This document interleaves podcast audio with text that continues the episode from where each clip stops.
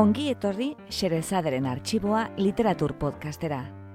Podcast hau egiten dugu Jason Elarrinagak eta Ana Moralesek Bilbo Iria Irratiko estudioan. Guk bezala, zuk ere uste baduzu munduan gauza gutxi direla, hain atseginak nola ipuin on bat patxada zentzutea, gera zaitez gurekin. Eta prestatu munduko kontakizunik bikainenak euskaraz entzuteko.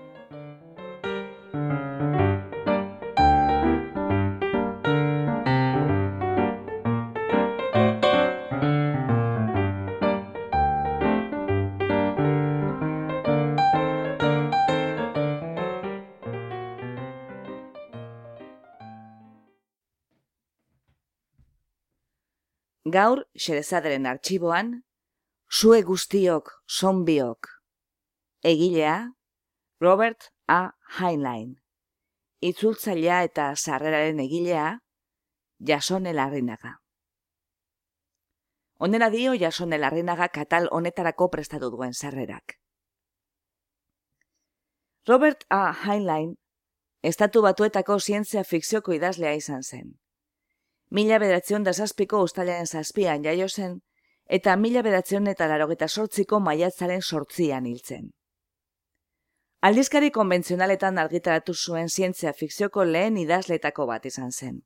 Sarritan esaten da, Heinlein, Isaac Asimov eta Arthur C. Clarke direla zientzia fikzioko hiru handiak. Historio laburretan eta eleberrietan zenbait gai landu zituen behin eta berriro Heinleinek. Pertsonaren askatasun individuala, sexismoa, arrasa, politika eta filosofia. Gai horiekin polemika sortu zuen eta batzuek diote, libertarioa zela, beste batzuek fascista, beste batzuek liberala, kontzerbadorea, rasista, kristaua, ateoa, sexista.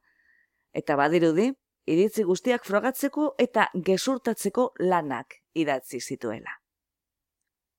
Gaurko ipuina, zue guztiok, zombiok, mila beratzen eta berrogeta masortziko egun bakar batean idatzi zuen, eta Fantasy and Science Fiction aldizkarian argitaratu zen mila beratzen eta berrogeta emeretzian.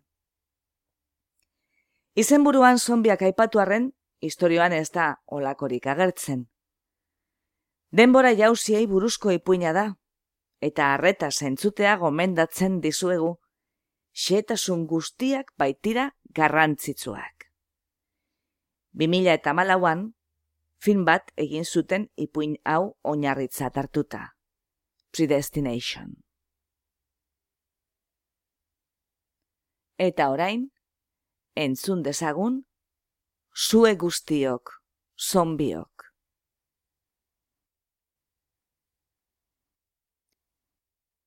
Bibi bat zazpi, bosgarren denbora gunea. Mila bederatzeon eta irurogeta marreko azaroaren zazpia. New York iria. Popen taberna.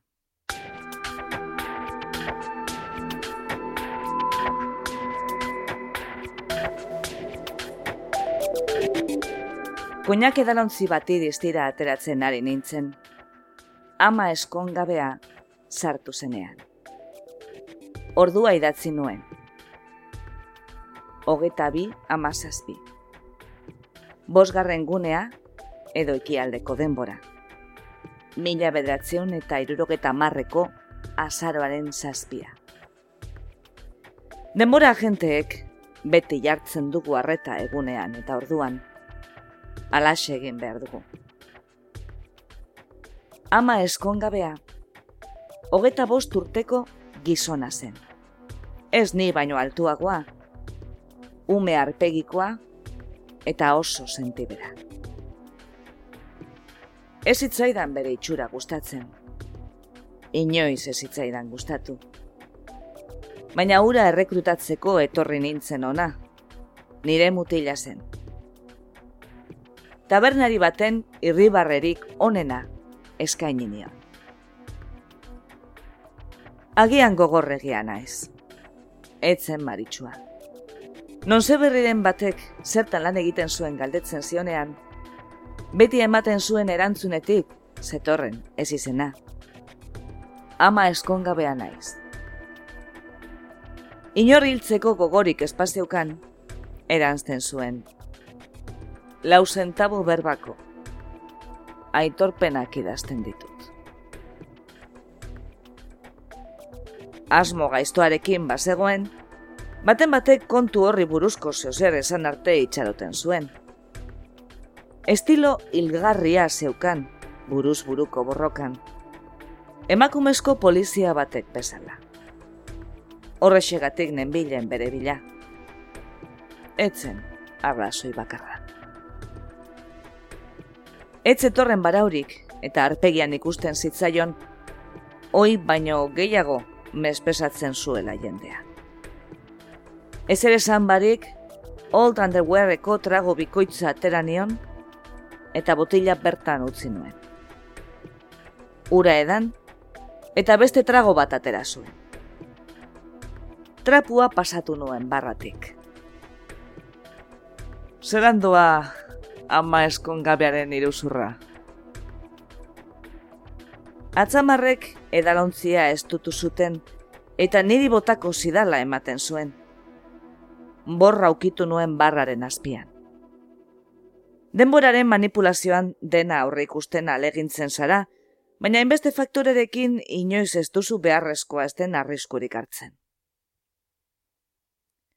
Apur bat erlaxatzen ikusi nuen. Agentziako prestakuntza eskolan detektatzen irakasten diguten apurtxu hori. Barkatu, esan nuen. Negozioa zelan doan galdetu baino ez dut egin. Egizu kontu eguraldiaz galdetu dizudala. Erresuminduta zirudien. Negozioa ondo doa. Nik idatzi egiten dut, haiek argitaratzen dute, eta nik jan egiten dut. Trago bat atera nuen niretzat eta arengana makurtu nintzen. Izan ere, esan nuen. Edertu idazten duzu. Historio batzu gainetik irakurri ditut. Gaitasun ikaragarria daukazu emakumezkoen ikuspegia emateko. Labainka hartan arriskatu behar nuen. Inoz zuen esan zein ez izen erabiltzen zuen. Baina morratuta zegoen eta azken hitzak baino ez zituen entzun.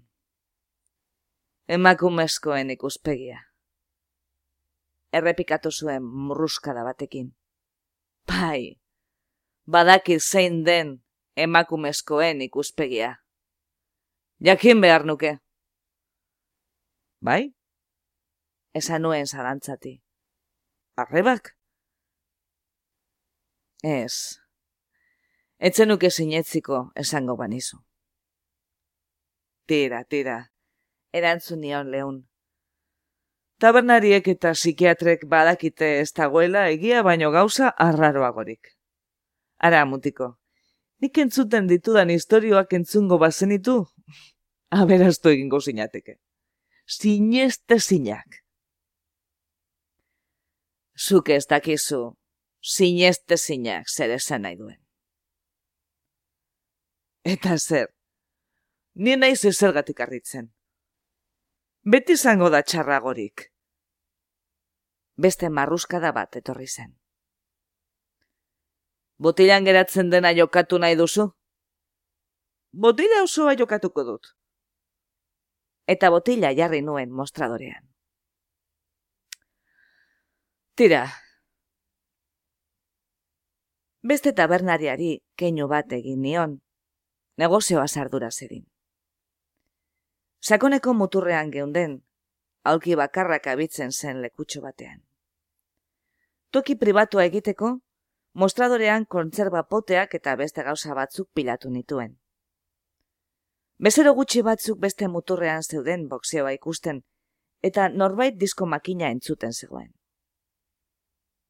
Gure lekua, oe bat bezain pribatua zen. Ondo da, esan zuen. Azteko, sasikoa naiz. Hemen ez dugu bere izketarik egiten. Esan nion. Benetan diot, erantzun zuen. Nire gurasoak ez zeuden eskonduta. Horregatik ere ez dago bere izketarik. Esan nuen berriz. Nireak ere ez. Nik isile geratu zen eta ezagutzen nuenetik lehenengoz begiratu zidan abegitasunez. Benetan diozu. Bai, euneko eun sasiko. Izan ere, Erantzi nuen. nire familian ez da eskontzen inor. Denok sasikoak. Ah, hori, Erakutsi egin nion. eskontza erastun baten antza dauka. Emakumeak usatzeko da. Mila beratzeun eta laragota bostean lankide bati erosi nion erastun zahar bat da. Kristautasun aurreko kretatik ekarri zuen. Uroboro sugea. Bere bustena jaten duen munduko sugea. Betiko eta amaierarik gabe. Paradoxa handiaren ikurra. Begirada bat baino ez zion eman. Benetako sasikoa bazara, badakizu zer sentitzen den. Neskatoan nintzenean, Epa, esan nuen. ondo entzun aldut? Nor dago istorioa kontatzen? Neska txikia nintzenean. Begira, inoiz entzun duzu Christine Jorgensen izena? Edo Roberta Cowell? Ah, sexu aldaketaren kasuak? E, esan nahi duzu... Ez eten eta ez lagundu. Edo ez dut hitzik egingo. Ni ume abandonatua nintzen. Clevelandeko ume sustegi batean utzi ninduten mila bederatzeun eta berrogeta bostean. Hilabete neukanean. Neska txikia nintzenean, gurasoak zeuskaten umei, inbidia nien. Gero, sexuari buruz ikasi nuenean, eta sinetzi dazu, pop, harin ikasten da ume sustegi batean, bai badakit. Hitz eman nuen nire umek aita bat eta ama bat izango zituztela. Horrek, puru mantendu ninduen, balentria handia dena leku hartan. Borrokan ikasi behar izan nuen. Gero, hasi egin nintzen, eta konturatu nintzen oso aukera txikiak neuskala eskontzeko. Jendeak ni ez adoptatzeko zeuskan arrazoi berberengatik. Bekokia simurtu zuen. Saldi baten arpegia, untxi baten aginak, bular laua, eta kiskurri gabeko hilean euskan. Ez duzu nik baino itxura txarragorik? Nori zai ardura tabernari baten itxura. Edo idazle baten itxura. Baina adoptatu nahi duenak, begi urdineko eta hile horiko atzeratuak aukeratzen ditu. Eta gero, gizonek, bular handiak, arpegi politak eta, ah, gizon miragarria zara, moduko jarrerak nahi dituzte. Sorbaldak jaso zituen. Ezin nintzen lehiatu. Eta ema galduetan sartu nintzen. Zer? Ema galduak, makalaldiak gainditzeko larrialdietako eta duintasunezko andreak. Orain, espazioko aingeruak deitzen diete. Aixialdi nazionaleko gerente eragileak urrutiko aire ontzietan. Izen biak ezagutzen nituen, denboran kokatu nituenean. Guk, hirugarren izen bat erabiltzen dugu, zerbitzu militarreko eliteko kidegoarena. Patrulla ultralasterra tokiko harreta kolaboratiborako. Izen aldaketa da denbora jauzietan dagoen ostoporik txarrena. Bazenekien, gasolina zerbitzugunetan gasolina saltzen zela beinola? Txortxilaroan izan nuen misio batean, emakume batek esan zidan. Ekartu nirekin ondoko gasolina zerbitzugunean. Baina hori ez da dirudiena. Gasolina zerbitzugune batek eluke oerik esango gara hartan. Ama eskongabeak jarraitu egin zuen. Orduan onartu zuten lehenengoz. Ezin direla gizonak espaziora bidali hilabeteetan eta urteetan tentzioa arindu barik. Gogoratzen duzu zelan egin zuten garrasi puritanoek. Horrek nire aukera hobetu zuen, voluntario gutxi zegoen eta. Neska batek izan behar zuen, errespetagarria, aldala Virginia, bataz bestekoaren gainetik adimenez eta egonkorra emozionalki. Baina voluntariorik gehienak puta zaharrak ziren, edo lurretik kanpora amarregun igarozkero soratu egingo ziren neurotikoak. Hortaz, nik enuen polita izan beharrik.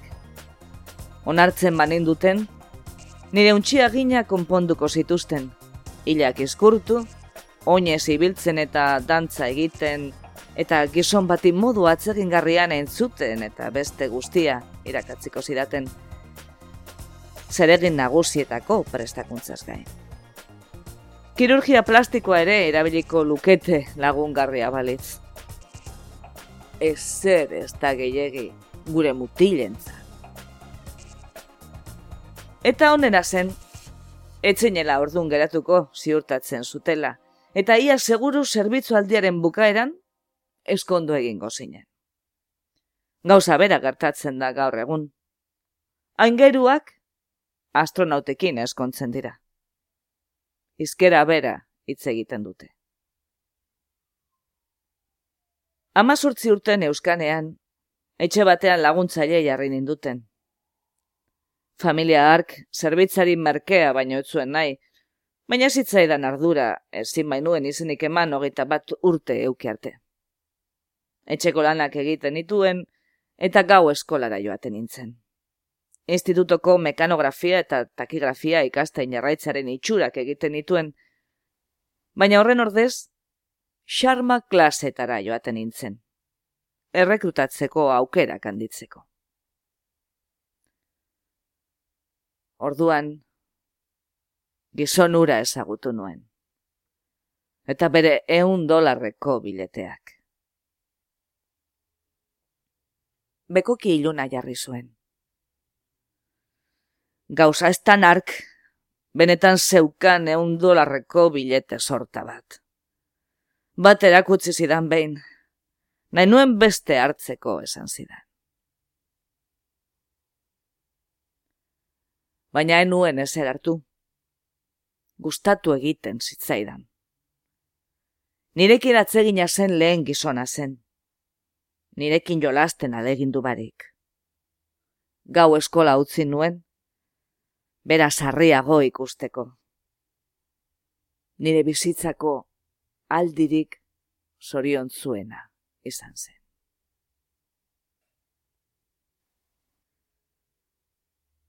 Eta gau batean, parkean, jolasak hasi ziren. Gelditu egin zen. Esan nuen, eta gero?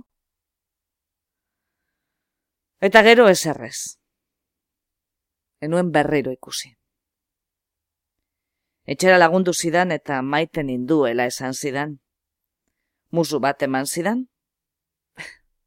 eta etzen berriro itzuli. Aurpegi serioa zeukan. Orkituko banu, hil egingo nuke.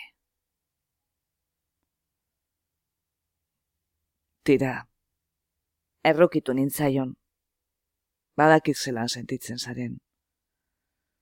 Baina, ure hiltzea, modu naturalean etortzen dena egiteagatik soilik, mm, borrokatu zenuen.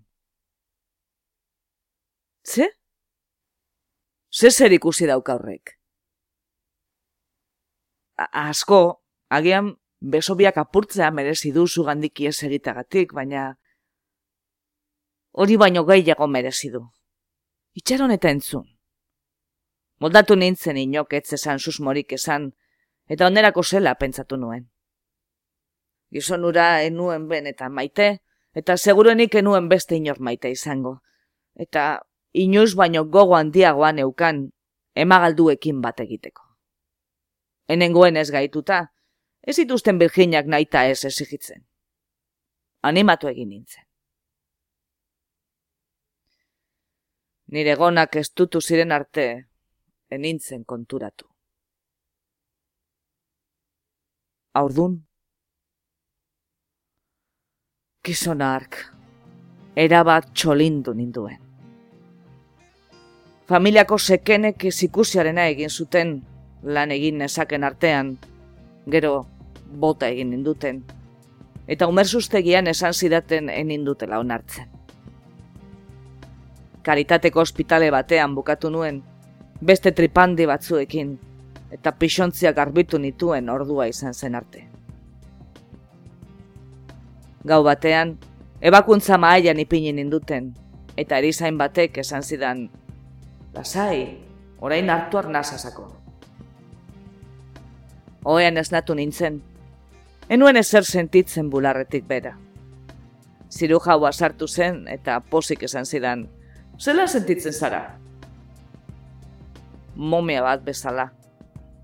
Normala da. Momia bat bezala zaude bilduta, bai eta botikaz beteta ere, sorgortuta egoteko. Ondo jarriko zara, baina zesarea bat ez da txantxa. Zesarea, esan nuen. Doktore, umea galdu dut. Ez ez, umea ondo dago. Ah, neska la mutila izan da. Neskatila eta osasuntzua. Kilo bi eta irure gramo. Lasaitu egin nintzen bada zeuser ume bat egitea. Nire buruari esan nion norabait joango nintzela eta Andrea ipiniko niola nire izenari, eta umeari aita hilda zegoela pentsatzen utziko niola. En nuen ume sustegirik nahi nire umearen txat. Baina, ziru jaua, berbetan zegoen. Ez da zu, em, ez zuen nire izena esan. Inoiz pentsatu duzu zure sistema glandularra arraroa zela? Nik esan nuen, zer? Ez noski, zer esan nahi duzu? Zalantza egin zuen. Dosi bakarrean esango dizut eta gero injekzio bat jarriko dizut lo eginez nervioak lasaitzeko. Beharko duzu. Zergatik, galdetu nion. Inoiz entzun duzu mediko eskoziar horri buruz, emakume esan zena hogeita urte bete arte? Gero ebakuntza egin eta legez eta medikuntzaren aldetik gizon bihurtu zena. Eskondo egin zen, dena ederto. Eta horrek zezer ikusi daukan irekin. O hori xenabil esaten, zu gizona zara. Esertzen alegindu nintzen. Zer? Lasai zaitez. Ireki zintudanean, nazmasa arkitu nuen. Kirurgiako buruari deitu nion umea ateratzen ari nintzenean, eta zu mailan zeuden bitartean kontsulta egin nion. Orduak eman genituen algenuen azalbatzeko organoen multzo oso bi zen euskan. Biak heldu barik, baina emakume multzoa, ume bat eukitzeko bezain garatuta zegoen. Etzen ituen berriro erabilial izango eta atera egin genuen, eta gauza konpondu genituen zu gizon modura behar bezala gara zaitezen. Esku bat jarri zidan sorbaldan. Ez kezkatu, gaztea zara, ezurrak egokitu egingo dira, zure oreka glandularra zainduko dugu eta gizon bat egingo zaitugu. Negarrez hasi nintzen. Eta zer gertatuko zaio nire umeari? Tira, ezin diozu bularra eman. Katakume batentzat ere ez daukazu ez nenaikorik. Zu esango banitz, enuke ikusiko. Adoptatzeko emango nuke. Ez! Sorbaldak altxatu zituen. Erabakia zurea da. Zuzara ama, tira, gurasoa. Baina ez kezkatu orain. Lehenik eta behin osatu egingo zaitugu. Biaramunean, umea ikusten utzi zidaten, eta egunero ikusi nuen. Arekin egoten ohitzen alegindu nintzen. Inoiz nuen jaio berri bat ikusi eta enekien zein itxusiak diren. Nire alabak, tximino laranja baten itxura zeukan. Nire sentimenduak aldatu egin ziren eta bere alde dena egitea erabaki nuen baina lau aste geroago, horrek ez zuen esertarako balio izan. Zer? Eraman egin zuten. Eraman? Ama eskongabeak jokatutako botila bota zuen iaia. Baitu, ospitaleko aurtzen degitik, ostu zuten arnaz estua zeukan. Zer deritzozu, horrela kentzea gizon bati, bizitzeko daukan narrasoi bakarra. Oso itxusia, onartu nuen. Atera beste trago bat. Etzen astarnarik egon? Poliziak ezin izan zuen ezera aurkitu. Norbait umea ikustera joan zen, osaba zela esan zuen. Erizainak izkarra eman zionean, umea eraman zuen. Deskribapenik? Gizon bat. Besterik ez. Aurpegi itxurako aurpegi batekin. Zurea edo nirea bezalakoa. Bekokia igundu zuen. Uste dut, umearen aita izan zela. Erizainak zin egin zuen adineko gizona zela, baina seguruenik makillajea erabili zuen. Nok bestela lapurtuko zuen nire txikia. Umeri gabeko emakumeek alako gauza arriskutzuak egiten dituzte, baina noiz entzun duzu gizon batek egiten dituela.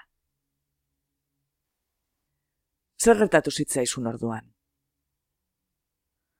Beste amaika hilabete eman nituen leku goibel hartan eta hiru ebakuntza egin dituen. Lau hilabetean, bizarra hasi zitzaidan. Joan baino lehen, bizarra egun erokentzen nuen. Eta gizona nintzela, zalantza gehiagorik enuen izan. Ironia egin zuen herriparre. Erizainen bularralderi begiratzen hasitan nengoen. Tira, esan nuen, badirudi azkenean dena ondo atera zitzaizula. Hemen zaude, gizon normala zara, dirua irabazten duzu, ez daukazu benetako arazorik. Eta andrasko baten bizitza ez da erraza ez. Gorrotoz begiratu zidan. Zuk ez dakizu ezertxo ere. Zergatik? inoiz entzun duzu ondatutako emakumea, esa moldea? Mm, orain urte asko, bai. Ez du zen zandirik gaur egun. Erabat ondatuta nengoen ni. Arlote ark benetan ondoratu ninduen. Enintzen emakumea, eta enekien gizona zelan izan. Denbora behar oitzeko, imaginatzen dut. Ez daukazu ideiarik ere. Ez dut esan nahi zelan jantzi ikastea edo okerreko komunera ez joatea. Gauza horiek ospitalean ikasi nituen. Baina zelan biziko nintzen. Zertan egingo nuen lan? Kakasarra, autobak idatzen ere nekien. Eneukan ofiziorik. Ezin nuen eskuko lanik egin, orbain gehiagin neukan eta bigunekin nengoen. Gorroto nion gizonari emagalduetan sartzeko aukera kendu zidalako, bai. Baina enekien zenbateraino, horren ordez, espazioko zerbitzuan sartzen alegindu nintzen arte. Sabelera begiratu, eta soldadutzarako ez gain nintzela esan zuten. Mediku ofizialak denbora bat eman zuen irekin, jakin gura utzez. Nire kasuari buruzko gauzaren bat irakurriko zuen. Orduan izen aldatu eta New Yorkera etorri nintzen. Jatetxe batean janaria frigitzen hasi nintzen. Gero, idazmakina bat alokatu eta takigrafo publiko egin nintzen. Parrez lertzekoa. Lau hilabetean, lau gutun eta eskuizkribu bat idatzen nituen. Eskuizkribua, benetako bizitzako ipuinak aldizkarirako zen eta papera alferri galtzea zen, baina ura idatzi zuen kokoloak saldo egin zuen. Horrek ideia bat eman zidan. Aitorpenen aldizkari pila bat erosi, eta aztertu egin nituen. Orain, aurpegi zinikoa zeukan. Orain badakizu zelan lortzen dudan emakumezko baten egiazko ikuspegia ematea eskongabekoa mei buruzko historioetan.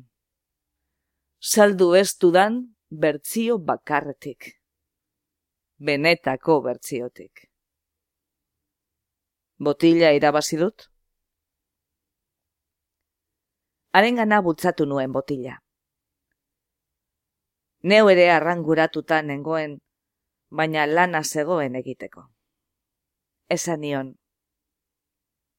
Mutiko, Gizon hori harrapatu nahi duz oraindik. Begiak argi basati batekin piztu zitzaizkion. Egon, esan nuen. Ez duzu hilko, ez da? Barre makurra egin zuen. Egin proba. Lasai. Zukuste baino gehiago dakit kontu honi buruz. Nik lagun zaitzaket badakit non dagoen. Besoa mostadoraren gainetik pasatu zuen. Non dago? Gozo esan nion.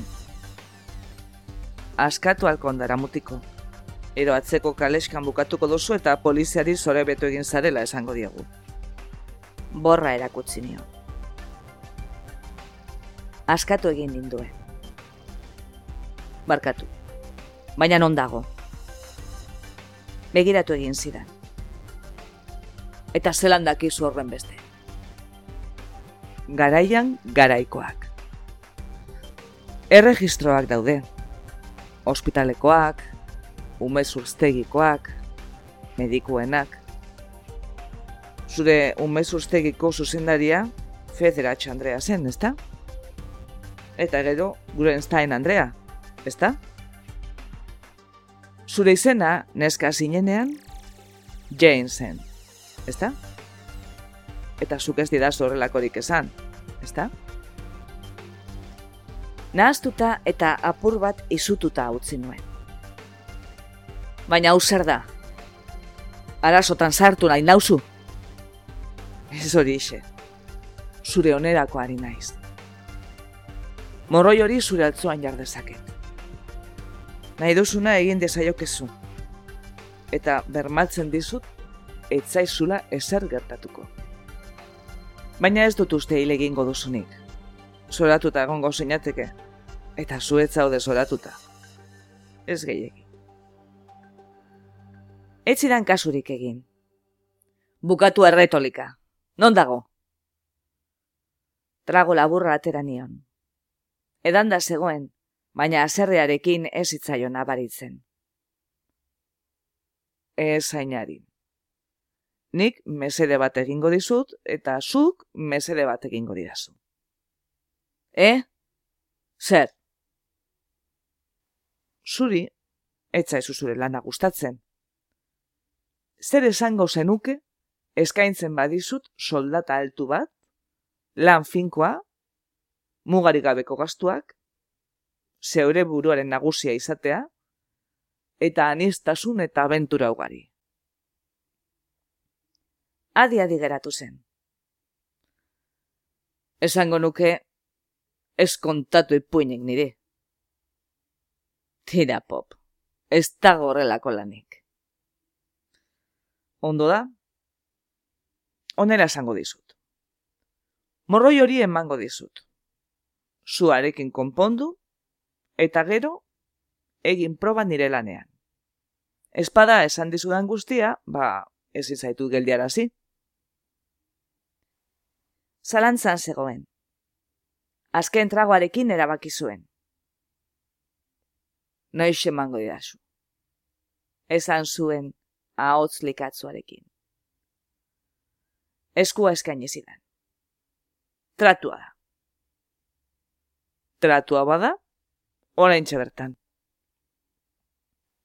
Laguntzaileari keinu batez adierazi nion muturbiak zaintzeko, ordua idatzi nuen, hogeta hiruak. Eta mostradorearen azpiko atetxoa igarotzen hasi nintzenean, disko makinatik volumenik altuenean zetorren kanta bat entzun nuen. Neure aitona naiz.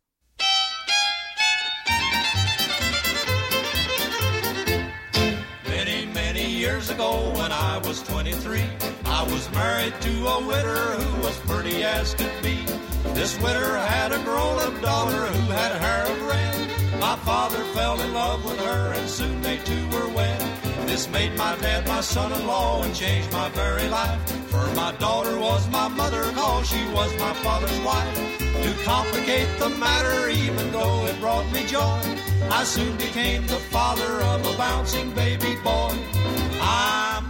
Makinaren arduradunari agindu nion, Amerikana eta klasikoak jartzeko, ezin nuelako jasan mila bedatzen eta iruro eta marreko amarkalako musika. Baina nekien disko hori antzegoenik. Oio egin nuen. Amatatu hori! Itzuli dirua bezeroari. Eta erantzin nuen.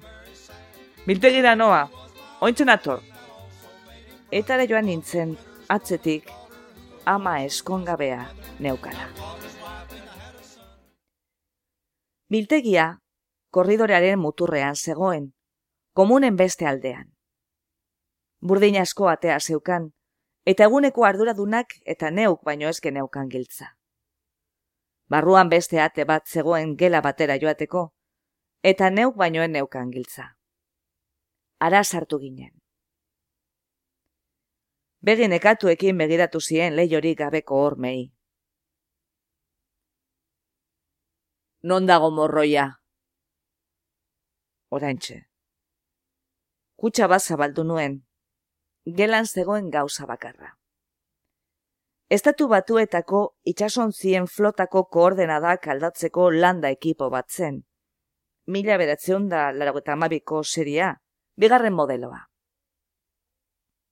Ederra zen, ez zeukan zati mugikorrik, hogeita iru kilo zeuskan zama osoarekin, eta maleta baten itxura hartzeko diseinatuta zegoen. Zehaztasun osoz doituta neukan goiz goizetik. Egin behar nuen guztia zen, metalesko sarea zabaltzea, eraldaketa eremua mugatzen duen sarea. Eta hori egin nuen. Zer da hori? Galdetu zuen, ama eskongabeak. Denboraren makina, esan nuen eta sarea gure gainetik bota nuen. E! egin zuen oiu, eta atzera egin zuen. Teknika bat dago horretarako. Sarea bota behar da alako moduan, non subjektuak urratz bat atzera egin eta metalesko sare begietan eroriko den instintiboki, eta gero sarea biok barruan geratu sarratzen duzu. Bestela, atzean utzitzakezu oinetakoen sola edo oinaren zati bat, edo zoruaren zati bat eraman dezakezu. Baina ez da behar trebetasun gehiagorik. Agente batzuek iruzurrez eramaten dute subjektua sarera. Nik, egia esaten dut, eta harridura une hori aprobetsatzen dut etengailuari emateko. Eta hori egin nuen.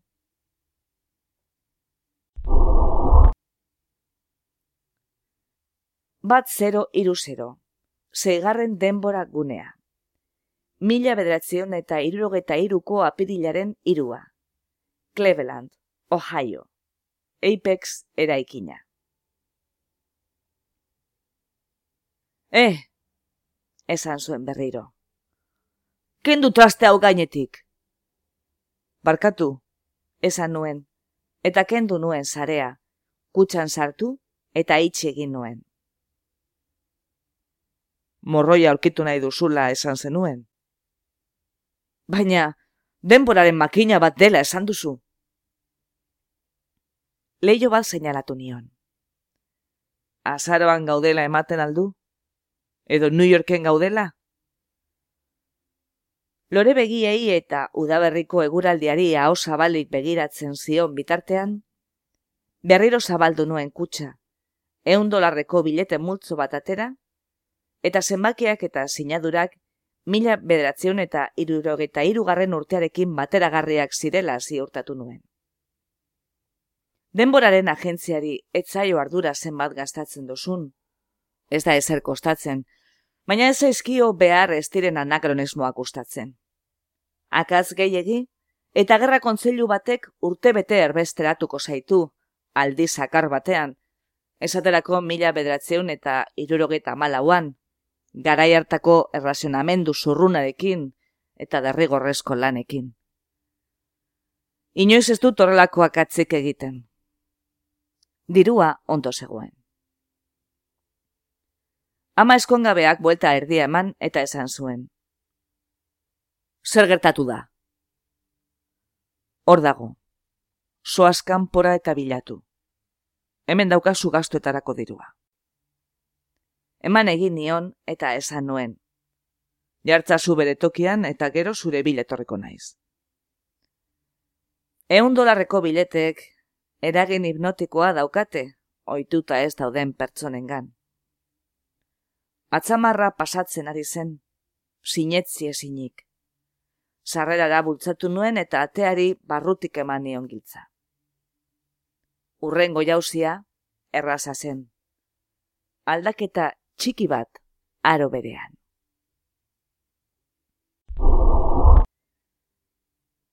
Zazpi bat 00. Zeigarren gunea mila bedatzeon eta irurogeta lauko martxoaren amarra. Cleveland, Apex eraikina. Paper bat zegoen atearen azpian, nire alokairuaren kontratua urrengo astean bukatuko zela esanez. Bestela, une bat lehenagoko itxura bera zeukan gelak. Kanpoan, suaitzak biluzik zeuden eta eguraldiak elurtraza zeukan bizkortu egin nintzen, garaiko dirua hartzeko, eta gela lokatu nuenean, bertan utzi nituen jaka bat, kapela bat, eta beroki bat jasotzeko. Taxi bat hartu, eta ospitalera joan nintzen. Hogei minutu behar izan nituen aurtzaindegiko zaindaria aspertzeko, eta umea inor konturatu barik eramateko. Apex eraikinera itzuli ginen doikuntza komplikatuagoak egin behar nituen orain. Eraikina ez baitzen existitzen mila bederatzen eta berrogeta bostean. Baina aldez aurretik kalkulatuta neukan. Zero bat, zero zero. Seigarren gunea. Mila bederatzeun eta berrogeta bosteko irailaren hogeia. Cleveland. Skyview motela. Ekipoa, umea eta ni, iriaren aldirietako motel batera eritzi ginen. Aldez aurretik, Warren, Ohioko Gregory Johnson izena eman nuen motelean, eta gela batean agertu ginen. Mortinak sarratuta, leioak itxita, atea giltzarekin eta begaina ostoporik gabe zeuden, makinak orientatzean dardar egiten duelako. Beltzune handi bat izan dezakezu aulki bat okerreko lekuan badago. Ez aulkiaren gatik, noski. Eremuko atzera eraginezko talkaren gatik baizik. Arazorik ez. Jane, lo zegoen lasai. Kanpora eraman nuen, aurretik lortuta neukan auto baten atzeko esaldekoan jarri nuen, kartoizko kutsa baten barruan. Ume zurstegira joan nintzen, umea eskaileran utzi, etxadi bitara zegoen gasolina zerbitzugune batera joan nintzen, petrolioaren produktuak zeuskan hoietako batera, eta telefonoz deitu nuen umezurstegira. Berriro joan nintzen, kutsa barrura sartzen zutela ikusteko. Aurrera egin nuen, eta autoa moteletik urbil utzi nuen.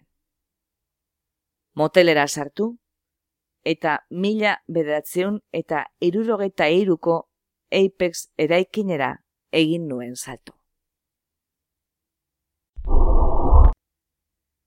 BB00 Zeigarren gunea. Mila bedratzion eta irurogeita iruko apidilaren hogeta laua. Cleveland. Apex eraikina. Tarte txikia neukan. Denboraren zehaztasuna jauziaren luzeraren menpe dago, zerora itzultzen zarenean izan ezik ondo egin banuen, jein konturatzen ari zen parkean udaberriko gau epel honetan, etzela berak uste bezain neska xaloa. Taxi bat hartu nuen zekenen etxeraino, eta gidareari esan nion izkinan itxaroteko, ilunetan zelatatzen nuen bitartean.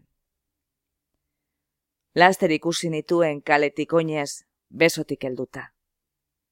Gizonak sarreraga eraman zuen neska, eta agur esateko, musu luze bat eman zion. Nik uste baino luzeagoa. Neska sartu egin zen, eta gizonak kaletik bera joan zen. Beregana heldu, eta besotik hartu nuen. Bukatu da mutiko. Esan nion lasai. Zu eramatera etorri naiz. Zu! Esan zuen txundituta eta arnaz hartu ezinik. Ni. Orain badakizu morroian orden, eta apur bat pentsatu ondoren, jakingo duzu, zu norzaren. Eta gehiago pentsatzen baduzu, jakingo duzu mea norden. Eta ni nor naizen. Ez zuen erantzun, oso nahaztuta zegoen. Danbatekoa da, frogatzen dizutenean ezin diosula eutzi zer burua seduzitzeari. Apex erekinera eraman nuen, eta beste jauzi bat egin genuen. Bi, iru, zero, zero. Sortzigarren gunea mila bedatzireun eta larogeita bosteko abustuaren amabia. Azpi harritzuen basea. Guardiako sargentua esnatu nuen eta identifikazioa erakutsi nion. Nire laguna pilula alai batekin oera bidaltzeko eta goizean errekrutatzeko esan nion. Sargentuak erretxinduta zirudien, baina maila maila da, berdin da zeinarotan. Nik esandakoa egin zuen, pentsatu zalantzarik gabe, ekar ikusten genuen urrengoan, bera izan zitekeela koronela, eta ni sargentua. Eta hori gertatu daiteke gurekidegoan. Zein da izena, galdetu zuen. Idatzi egin nion. Bekainak altzatu zituen. Benetan? Hmm. Egin zure lana, sargentu nire lagunaren gana giratu nintzen. Mutiko, bukatu dira zure arazoak. gizon batek izan dezaken lanik onenean hasiko zara. Eta ondo joango zaizu, badakit. Bai horixe, sargentuak bat egin zuen. Begiratu niri, mila bederatzeun da mazazpean jaio nintzen, eta oraindik hemen nabil, gazte oraindik, bizitzaz gozatzen oraindik. Jauzien gelara itzuli nintzen, eta aurretik aukeratutako zerora joateko doitu nuen dena.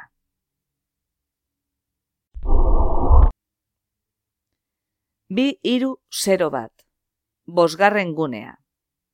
Mila bedatzeun eta irurogeta marreko azaroaren zazpia. New York iria. Popen taberna. Bitegitik irten nuen drambui botila batekin. Barruan egon nintzen minutua justifikatzeko. Nire laguntzailea, nire aitona naiz kanta jarri zuen bezeroarekin eztabaidan zebilen. Nik esan nuen, tira, utzi diskoa jartzen eta gero deskonektatu makina. Oso nekatutan nengoen.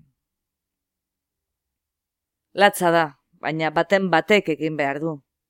Eta oso gogorra da azken urteotan norbait errekrutatzea, mila bederatzeun eta irurogeta mabiko akatzetik ona. Egon daiteke modu oberik, jendea egoerarik txarrenean dagoenean aukeratzea baino, berdin da non dauden, eta lan interesgarria eta ondo ordaindua ematea, arriskutzua izan arren, derrigorrezko eginkizun batean. Mundu guztiak daki zergatik utz egin zuen, mila bederatzeun eta irurogeta iruko utz egite gerrak. New York izena zeukan bomba etzen lehertu, Eta beste eunka gauza etziren planeatu bezala gertatu. Denak nire moduko pertsonek antolatutakoak. Baina ez, mila bederatziun eta irurogeta mabiko akatza. Hori etzen gure errua izan, eta ezin da konpondu. Ez dago paradoxarik. Gauza bat bada edo ez da. Orain eta beti. Amen baina ez da berriro gertatuko. Mila bedatzeun da larogeta mabiko data daukan agindu batek, lehentasuna dauka edozein urtetan. Bos minutu lehenago itxi nuen eta kutsa registratzailean gutun bat utzi nuen. Eguneko arduradunari esateko nire zatia erosteko eskaintza onartzen niola eta nire abokatuaren gana joateko, opor luzea hartu behar bainuen. Agentziak haren ordainketa jaso dezake ala ez, baina gauzak txukun ustea nahi du. Biltegiaren atzeko gelara joan nintzen, eta mila bederatzieun eta larogeta mairura egin nuen jauzi.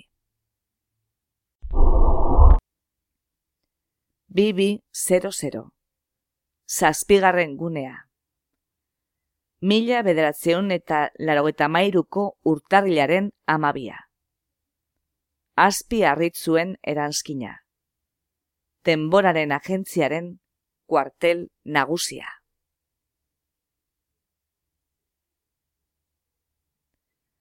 Guardiako ofizialaren gana eta gero nire gelara joan nintzen. Aste betean lo egiteko asmoz. Jokatu genuen botila ekarri nuen, azken batean irabazi egin nuen, eta trago bat hartu nuen txostena idatzi baino lehen. Zapore txarra zeukan, eta pentsatu nuen zelan gustatu zitzaidan inoiz old underwear. Baina ezerrez baino bea zen. Etze guztiz lehor egotea gustatzen, gehiegi pentsatzen dut. Baina askorik ere ez dute daten. Pertsona batzuek sugeak eukitzen dituzte. Nik pertsonak dauzkat. txostena diktatu nuen. Berrogei errekrutatze. Denak, ziko bulegoak onartuta. Neurea ere bai, manekien onartuko zutela. Zeren, hemen nengoen, ezta? Gero operazitara joateko eskari bat grabatu nuen. Nekatuta nengoen jendea errekrutatzen. Zerrikitutik sartu nituen grabazio biak, eta ohera joan nintzen. Oearen gaina zeuden denboraren legeak begiratzen geratu nintzen. Inoiz ez egin atzo, bihar egin behar litekeena. Azkenean ondo egiten badozu, inoiz ez alegin du berriro. Garaian emandako puntada batek, bederatzi milioi aurresten ditu. Paradoxa bat, para konpondu egin daiteke. Goizago da pentsatzen duzunean. Arbasoak, pertsonak, baino ez dira. Jupiterrek ere, bere burua kulunkatzen du. Enin duten inspiratzen errekruta nintzenean modura. Hogeita mar urte subjektibok denbora jauziak egiten, nekatu egiten zaituzte. Arropak erantzin ituen, eta sabelari begiratu nion. Cesarea batek, orbain handia usten du, baina inbeste hilerekin ez dut ikusten bilatzen espadut. Gero, atzamarreko erastunari begiratu nion. Bustanari aginka egiten dion zugea, beti eta betiko. Badakit nondik natorren, baina nondik zatozte zuo guztiok, zonbiok buruko mina datorkit. Baina ez dut horretarako botikarik hartzen. Behin egin nuen, eta zue guztiok, desagertu egin zineten. Oera sartu, eta argia itzali nuen. Egia esan, ez zaudete hor. Ni baino ez nago. Jane, bakarrik, ilunetan. Zuen utzunea, sentitzen dut, ikaragarri.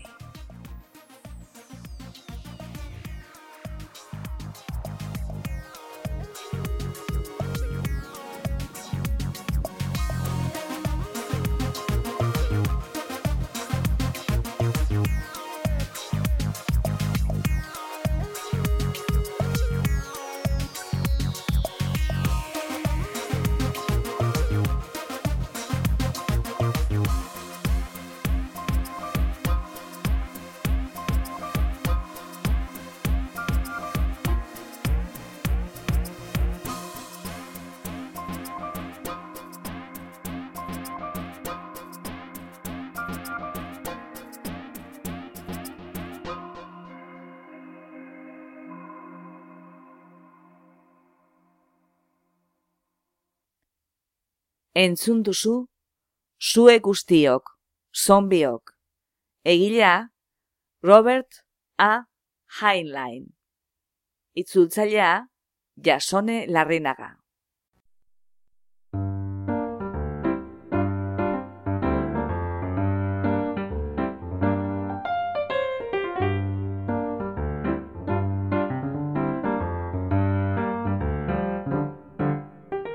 Xerezaderen artxiboko beste atal bat entzun duzu. Gure doinoa da, Charleston Behind the Attic Door, Dance of the Wind taldearena. Beste dikadirazi ezean, gure musikak jamendo.cometik hartuak dira, eta soinu efektuak berriz freesound.cometik ateratakoak. Podcast hau egiten dugu, Jasone Larrinagak eta Ana Moralesek Bilbo Iria Irratiko estudioan. Gure audioak online entzuteko edo eskuratzeko eta podcastaren arpidedun egiteko, bilagaitzazu iTunesen edo joan gure blogera irubebikoitz.blogak.com barra isa a lp. Irriketan gaude zure iritzia jakiteko eta zure gurariak betetzeko. Beraz, gure blogera soazenean, eza astu iruzkina ustea eta irakurgai proposamenak egitea. Eskerrik asko gurera hurbiltzeagatik. Gustora egon bazara, etorri urrengo batean berriz ere, Xerezaderen arxiboa literatur podcastera. Laster arte!